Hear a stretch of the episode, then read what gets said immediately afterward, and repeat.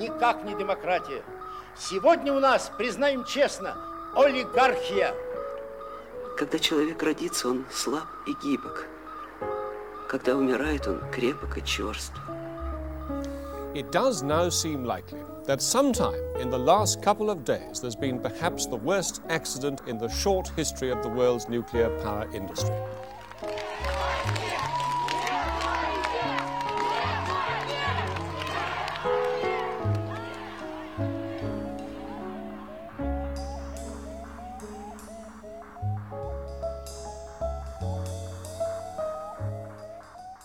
Kjær hlustundur, velkomin í Rús, þáttum þjóð og menningu á krosskutum. Gestur mín í dag er Rebeka Þráinsdóttir, aðjungt við Háskóla Íslands. Rebeka, verður velkomin. Takk fyrir. Rebeka Þráinsdóttir laug bíja gráðu í rúsnesku frá Háskóla Íslands árið 2001 og mistara prófi í rúsneskum bókmyndum og rúsnesku frá Ríkisháskólanum í Pétursborg árið 2003.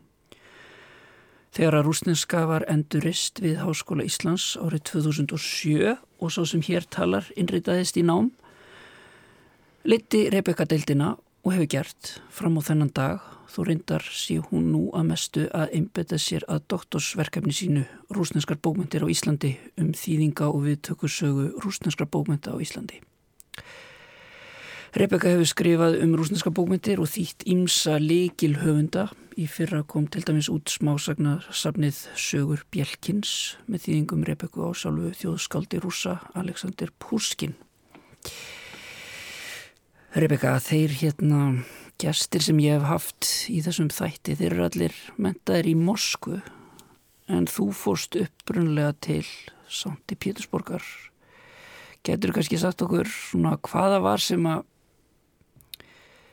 heitlaði þig við Rúsland og, og sagt okkur aðeins kannski svona frá þinni upplifun af þessari órunverulegu og þversanni kentu borg, Santi Pétursborg.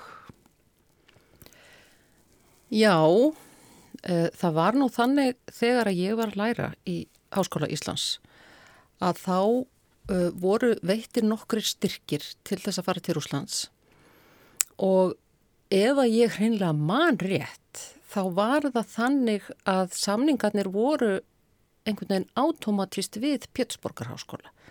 Þannig að við vorum fjórar uh, konur, ungar konur sem fórum til Pétursborgar þetta haust og það var, uh, það var mjög sérstækt að koma til Pétursborgar fyrsta sinn og ég man, það voru alls konar svona myndir sem að sóttu á mann fyrstu dagana, þú veist, einhverja daga fannst manni allir vera brosandi. Svo komu dagar þar sem manni fannst allir að vera á leiðinni í einhvern fögnu því það voru allir með blóm og það voru allir með kökur. Svo komu dagar þar sem maður hugsaði býtu eru allir á fyllir í. Það voru, manni fannst allir vera drauknir, allir að drekka vodka eða bjór út á götu þannig að áhrifin eru svo sterk og það er svona kannski, eru takmörk fyrir því hvað maður getur tekið mikið inn í einu. En ég hef stundum sagt að fyrstu svona þrjár vikurnar sem ég var hérna þá gekk ég bara um opinmynd og dáðist að öllu sem ég sá bæði hennu fagra og hennu sem hann var ljótara og það var reyndar ansi margt sem var sláandi. Já að því að það má kannski segja um Rúsland að þar er þar er svo margt sem að manni finnst svo merkilegt. Pétursborg í sjálfu sér sem borg er kannski ekkert sérstaklega framandi. Hún er mjög vestræn uh, í útliti ef það hægt er að tala svolítið sem borgir en ég svona smámsaman lærði að skilja að þarna var að finna, ég stundaði mjög mikið leikús, tónleika uh, listasöfn uh, þessi þrjú ár sem ég var í Rúslandi og svona eftir því sem að tíminn líður þá situr eftir svo tilfinning að mér þykir svo ótrúlega vænt um Rúsland.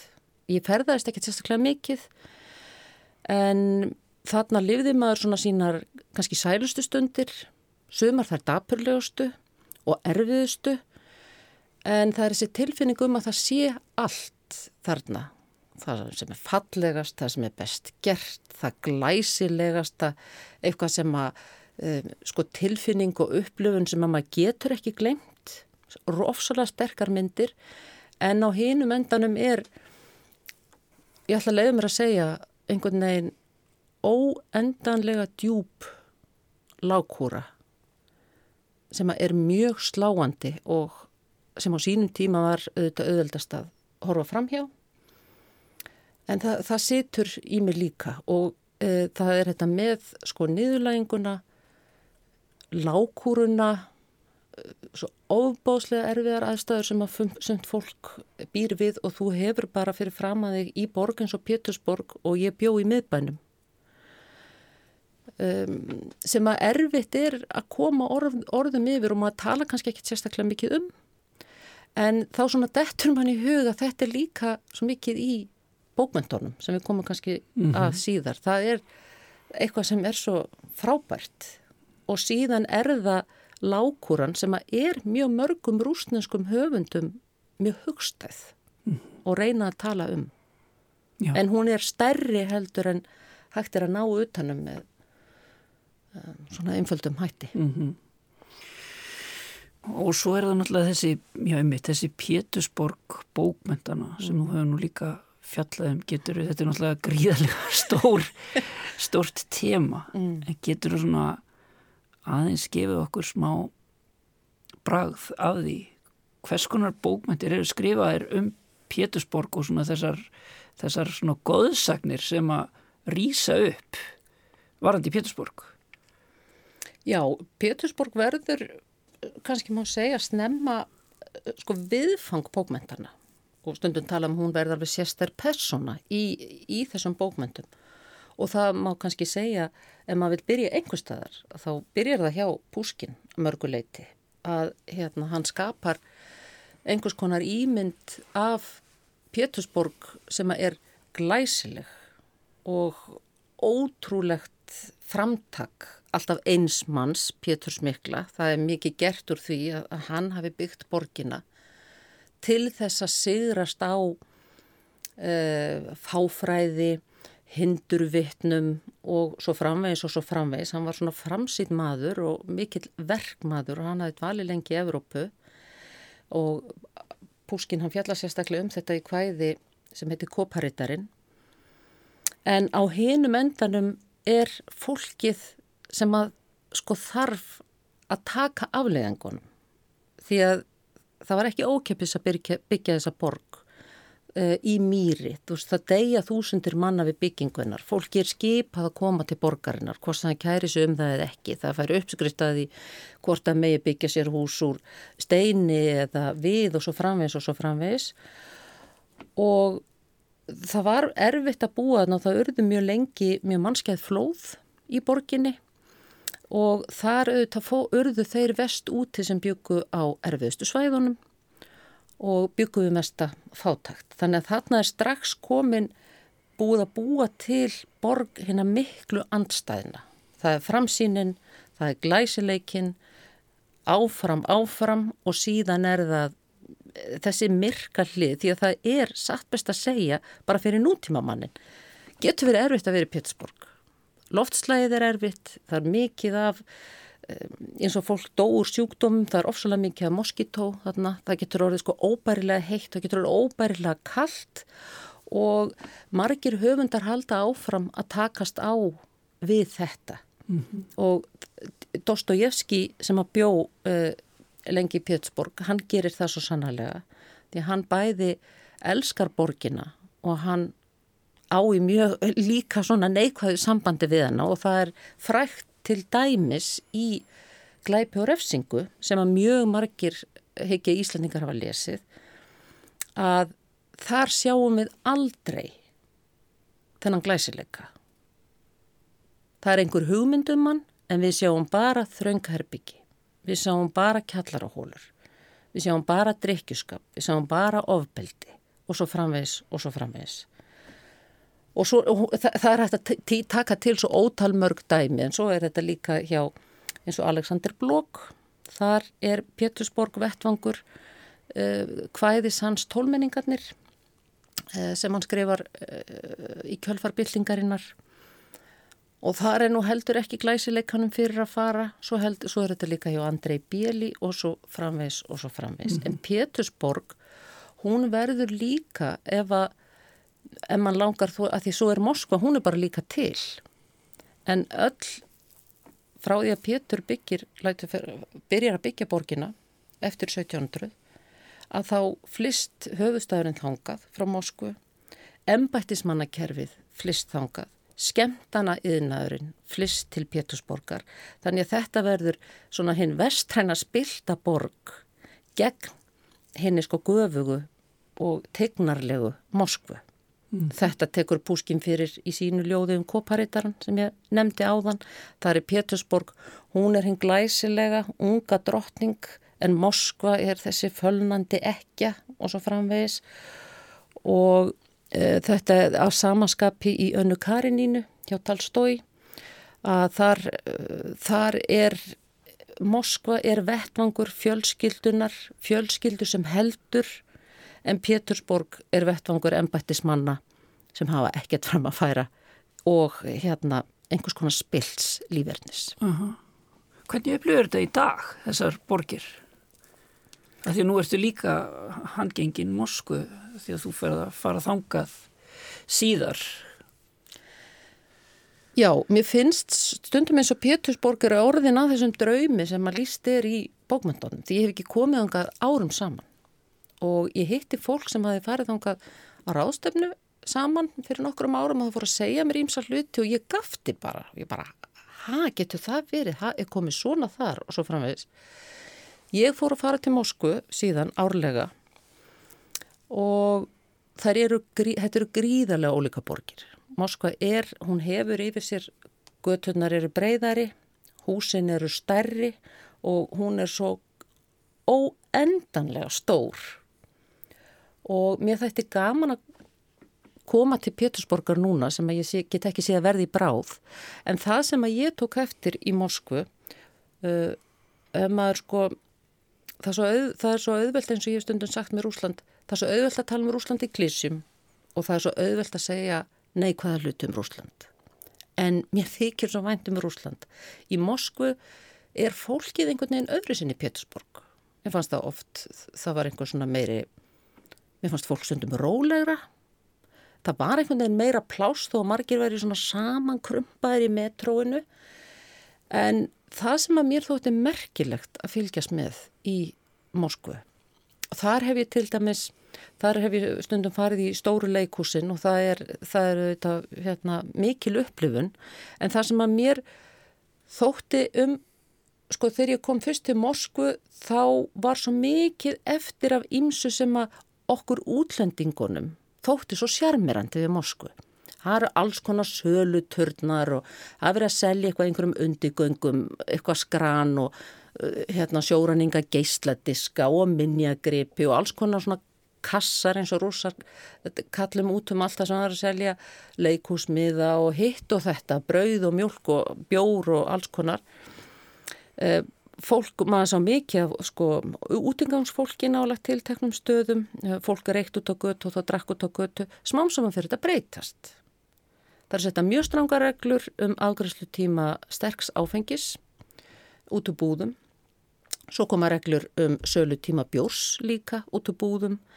Það er eiginlega bannað innan gæsalappa að drekka áfengi á almannafæri. Það er bannað að reykja á almannafæri. Smá saman hverfur allt það sem að í huga ferðalangsins gerir mannlífið áhugavert. Mm -hmm. Það bara hverfur útíkansfólkið. Það hverfur fólkið sem er að drekka nálagt eh, breytastöðunum og metrónu. Það hverfa þessar litlu sölubúður og básar. Og smásamann, ef ég á að vera alveg hreinskilin síðast þegar ég fór, þó ég hugsaði þegar ég kom, þó ég hafi hugsaði þegar ég kom, alltaf hugsaði, ó, minnst ég fyrir að koma heim. Er bara lyktinn og metróið og tungumálið og fólkið.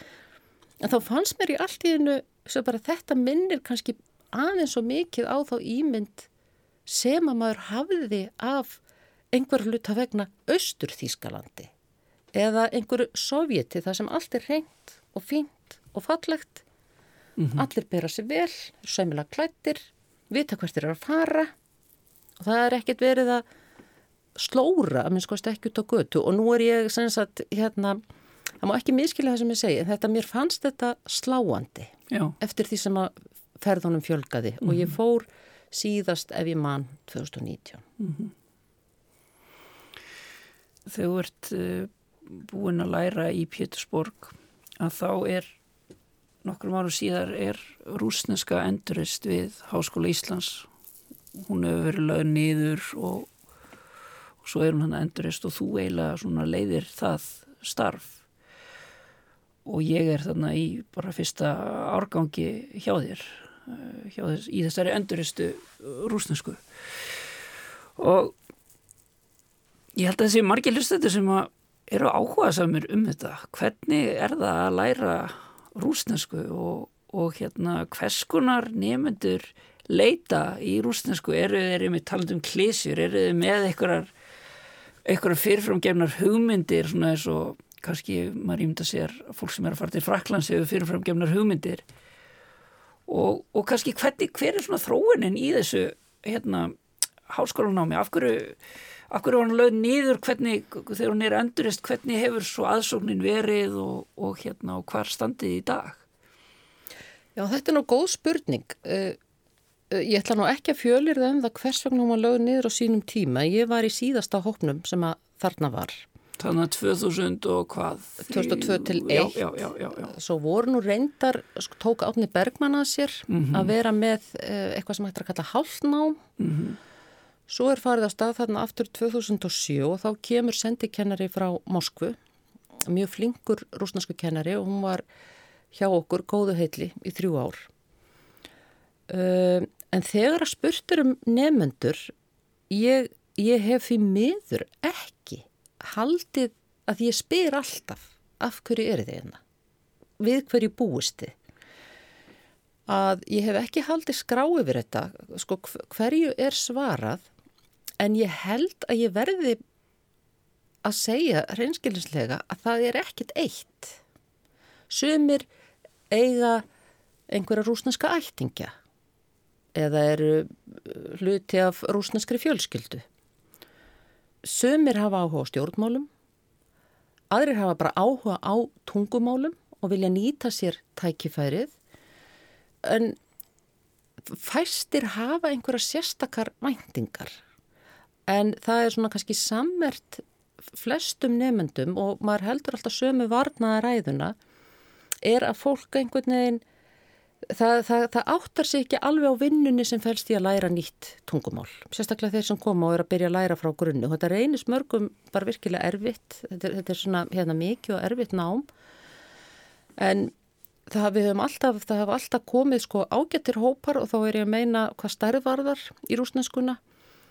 En svo það sé nú sagt að þá kvarnast oft fljótt úr þeim hópi af ymsum ástæðum og ef við bara tökum til dæmis uh, þann hóp sem að kom núna síðast eftir að þessi innrás var gerð þá bjóst maður alveg eins við því að það yrði engin rúsneska, það myndi engin koma.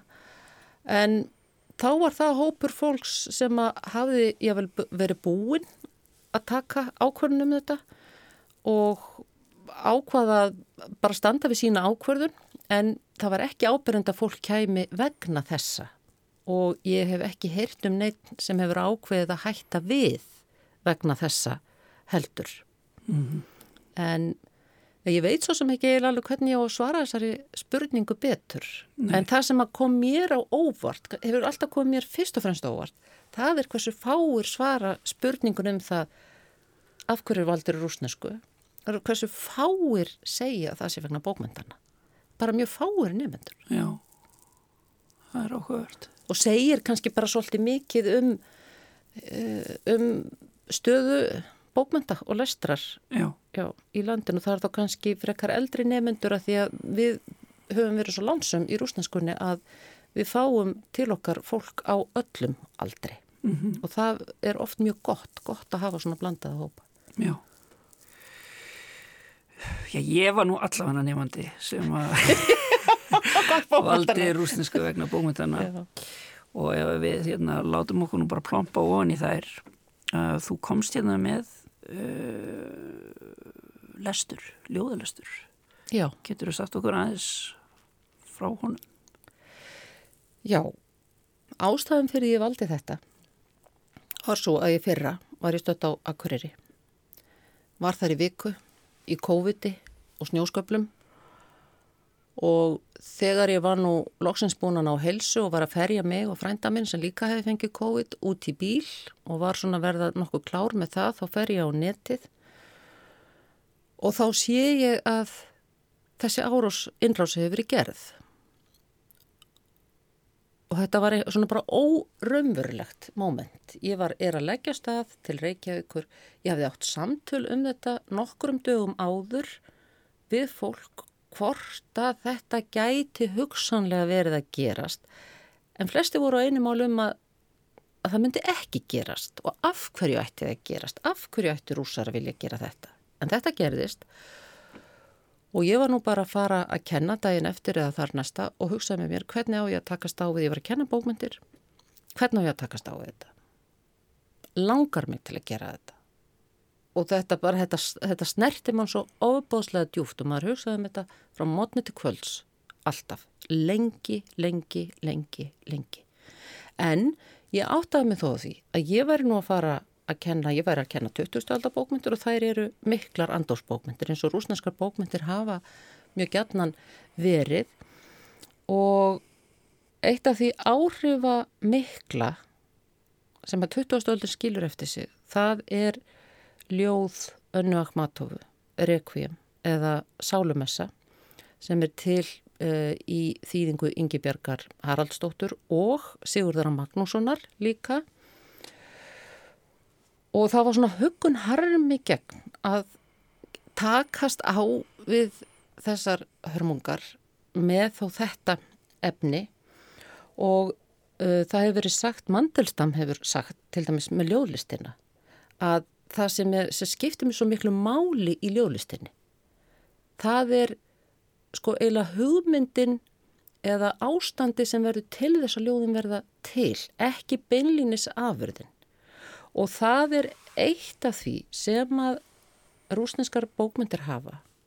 Og þetta ljóð til dæmis, Sálumessa, sem við ætlum núna að hlusta á önnu Akhmatovu lesa upphafið að, það er hversu stert kemst til skila tilfinningin um eitthvað ástand, sama hver orðin eru. Og það er í þessu ljóði til dæmis og svo mörgu fleiri auðvitað. Það er þessi tilfinning fyrir sko svo óendanlega djúpri sorg. Og einhvern veginn neyð, gagvart einhverju sem þú getur ekki, bara ekki undir nokkur kringustæðum að þið verist vera, haft áhrif á. Og þá, hún talar, en þetta ljóð byrtist ekki fyrir löngu, löngu, löngu setna í Rúslandi, til sami á setnu hluta fjórða ára döðurins, um eh, hérna, þessar ofsóknir Stalins, að það sem hún lýsir svo vel í upphafi, það er þessi djúpa þögn sem að grýpur samfélagið, það sem óttinn ræður rík. Reykjum 1935-1940 годы. Нет, и не под чуждым небосводом, и не под защитой чуждых крыл.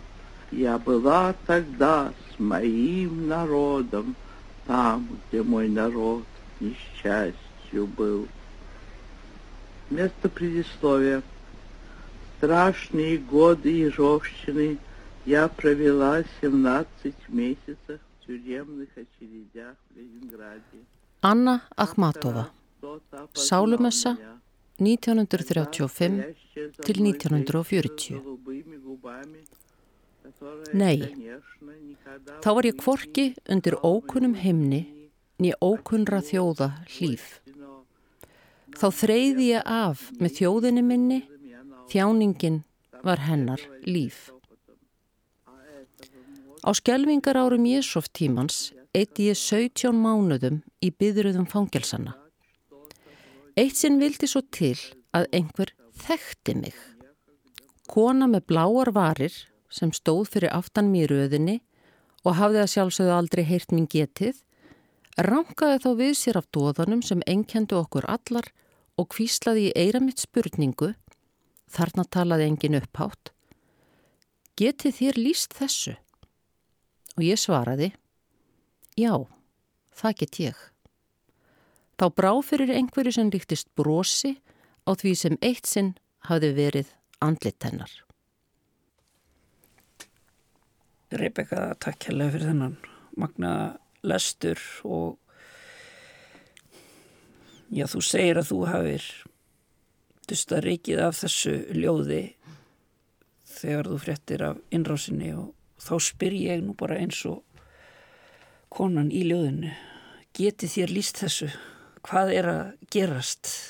Og hvernig slæri þetta þig þessi staða sem að nú er komin upp?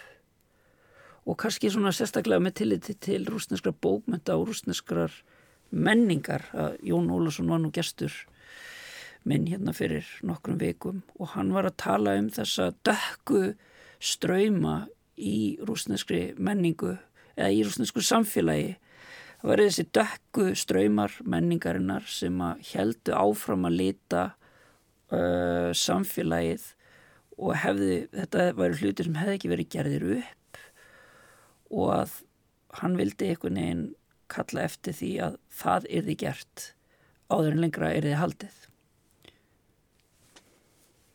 Já, þetta er mjög álitin spurning og í sko fljótlega eftir þetta gerist að þá maður þarf að endur með þetta svo stert afstöðu sína, skilningsinn og hvaðan hann kemur vegna þess að uh, allt mann sjónarhorn á þetta hefur verið rúsnest fyrst og fremst. Og það er, uh, dálítið það var kannski pínulítið erfitt að horfast í auðu við það, en það er eitthvað sem maður varð að gera.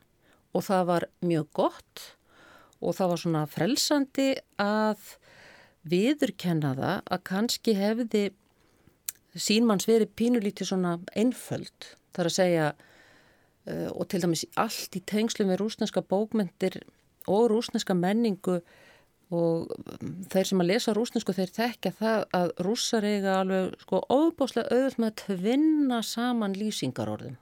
Sérstaklega þegar þeir eru að dása með eitthvað. Og Það hefur svo sannarlega verið gert gagvart rúsneskri menningu. Og bara svo ég klári nú að uh, svona lýsa mínu svona persónulega sjónarhórni á þetta að þá uppgötta ég það kannski fyrir tveimur, þreimur vikum að ég var að ná einhvers konar jafnvægi gagvart þessu. Ég hefði tekið svona ymsar ákvarðanir um, reynd að sjá hlutina í skýru ljósi, hugsa mikið um sko mína nálgun á rúsneska bókmyndir því ég hef svo sannarlega notað sterk lýsingarorð um rúsneska bókmyndir. Svo það sé nú sagt. En það eru sannanlega þessir, svona, það eru myrkir undirströymar í þessu. Það er svo margt sem ekki hefur verið gert upp og er, þetta er kannski eins og ég sé þetta uh, eða er að hugsa núna að það er, þetta er svona fer í tvær áttir eh, það er annarsögar sko ef maður hugsa bara um bókmyndirnar að þá var þeim beitt frá rúsnesku sjónarhorni og eins og kom fram í þættunum hjá Jóni að þið rúsneska innan landamæra rúslands það var ráðandi.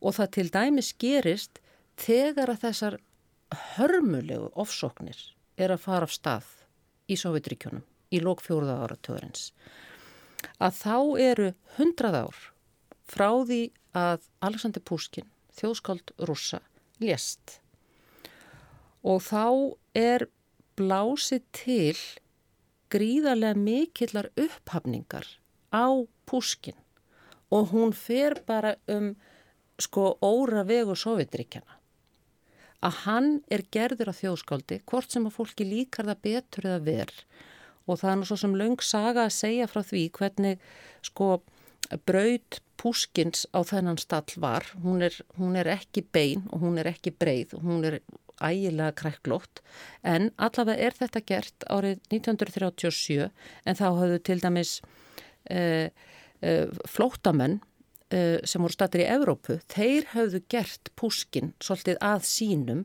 þannig að þarna stelur Stalin því af þeim.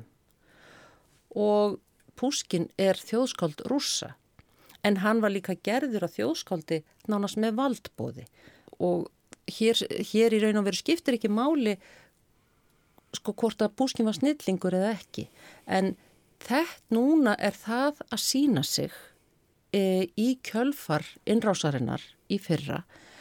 Það eru komnar upp mjög sterkar rattir um að snúa þessu við og það farið að benda á ímislegt væði hjá Púskin sem að þetta margir vissu og hafðu veld fyrir sér en hafiði einhvern veginn ekki verið fjallaðum sérstaklega sem að er með sínum hætti einhvers konar lofgjör, til keisaradæmisins og stærð þess og styrks.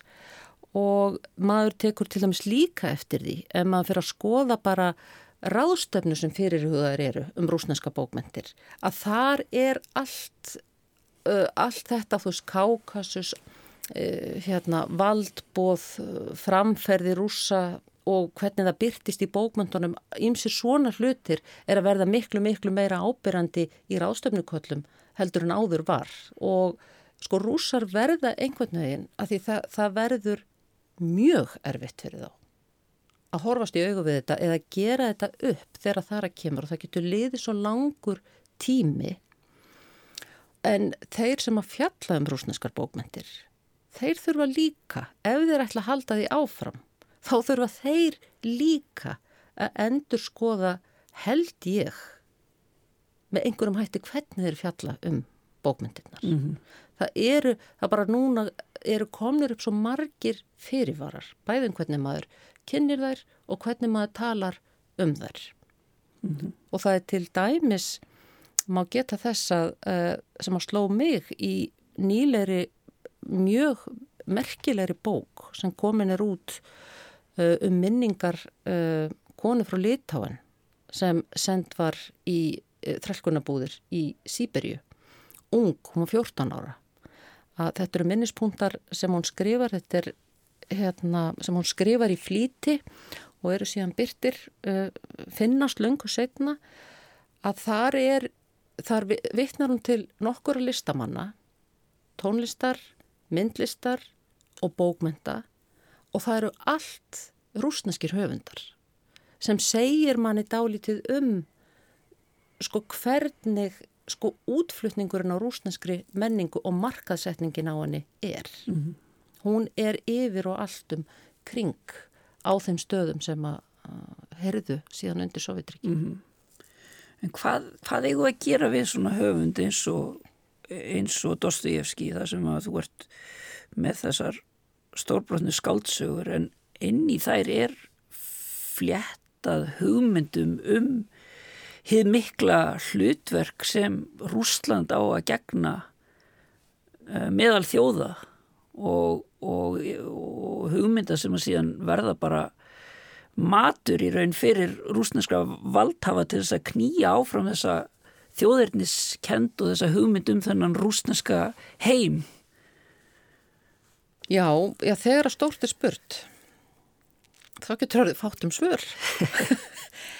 En til dæmis höfundar eins og Dostojevski og Solzhenitsyn hafa verið gaggrindir sérstaklega og þeir eru kannski svolítið í brenniteppli í þessari umræðu vegna þeirra sterku tilfinninga og hérna svona ég maður nota bara orðins og þjóðurnishyggju og það sem, sem eru sannfærðir um að hlutverk rúsa í heiminum geti verið sérstakt mm -hmm. með einhverjum hætti og þeir eru þarna verist vera spyrtir saman einhvern veginn mm -hmm.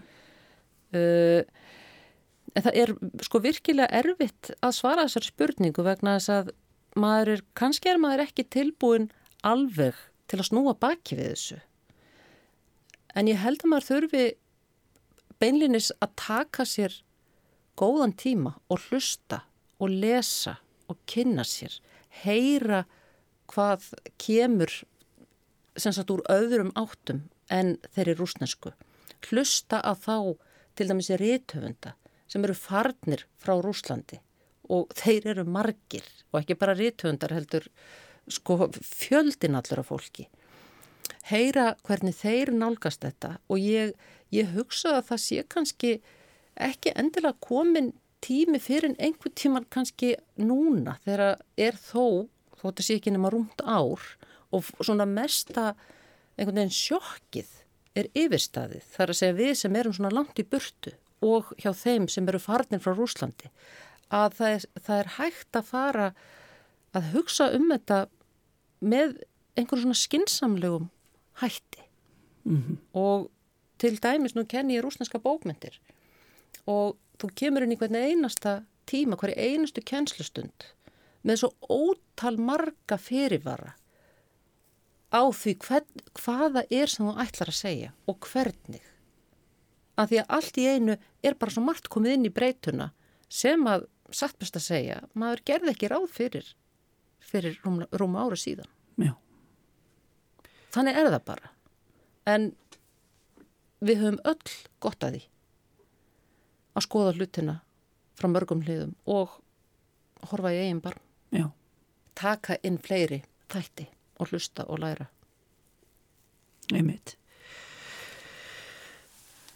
Rebeka Þráinsdóttir þakka ég kærlega fyrir komuna og, og ég ætlaði nú að, að hérna áðurna í kveðiga þá ætlaði ég að byggja um að kynna fyrir okkur lag sem þú komst með í þáttinn. Já, þegar þú baðst með um þetta þá hugsaði með mér að ég ætlaði nú ekki að leggjast inn í sérstakar rannsóknir, ég ætlaði bara að velja það sem að mér kom fyrst í hug. Og fyrst kom mér í hug ákala fallegt lag úr kvikmynd sem gerð er á nýjunda áratöknum í Sovjetríkjónum og tilherir svona rúsneskri klassík sem, sovjískri klassík fyrir ekki sem heitir, kvikmyndan heitir Sjestókira manns eða Grimmileg örlug hefur það verið þýtt á íslensku og þar e, e, syngur aðalpersonan lag í veislu e, fyrir gesti sína. Ljóðið er eftir Tsvetajevu úr ljóðaflóttunum Padrúka eða Vinkona sem er tilengað vinkonu hennar og ástkonu og þetta er bara svo fallegt lag, falleg melodía í þessari kvikmynd sem, þar sem fjallað er um ástir sem eru tvíbendar og engin veit hver hefur sigur eða hver er kötturinn og hver er músin Под лаской плюшевого пледа Вчерашний вызываю сон Что это было, чья победа Кто побежден, кто побежден Все передумываю снова. Всем перемучиваюсь вновь. В том, для чего не знаю слова. В том, для чего не знаю слова. Была ли любовь?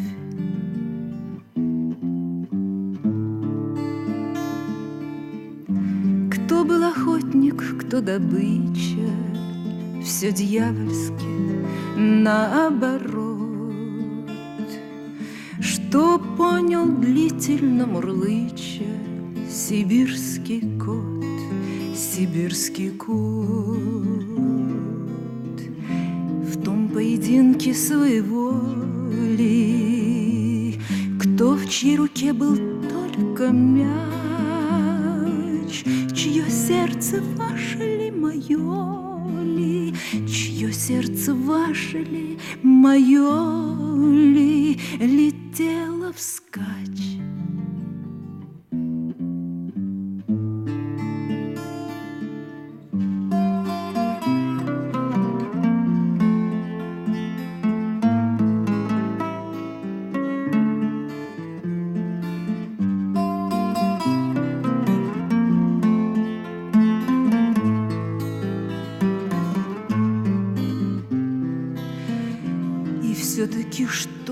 это было, чего так хочется и жаль,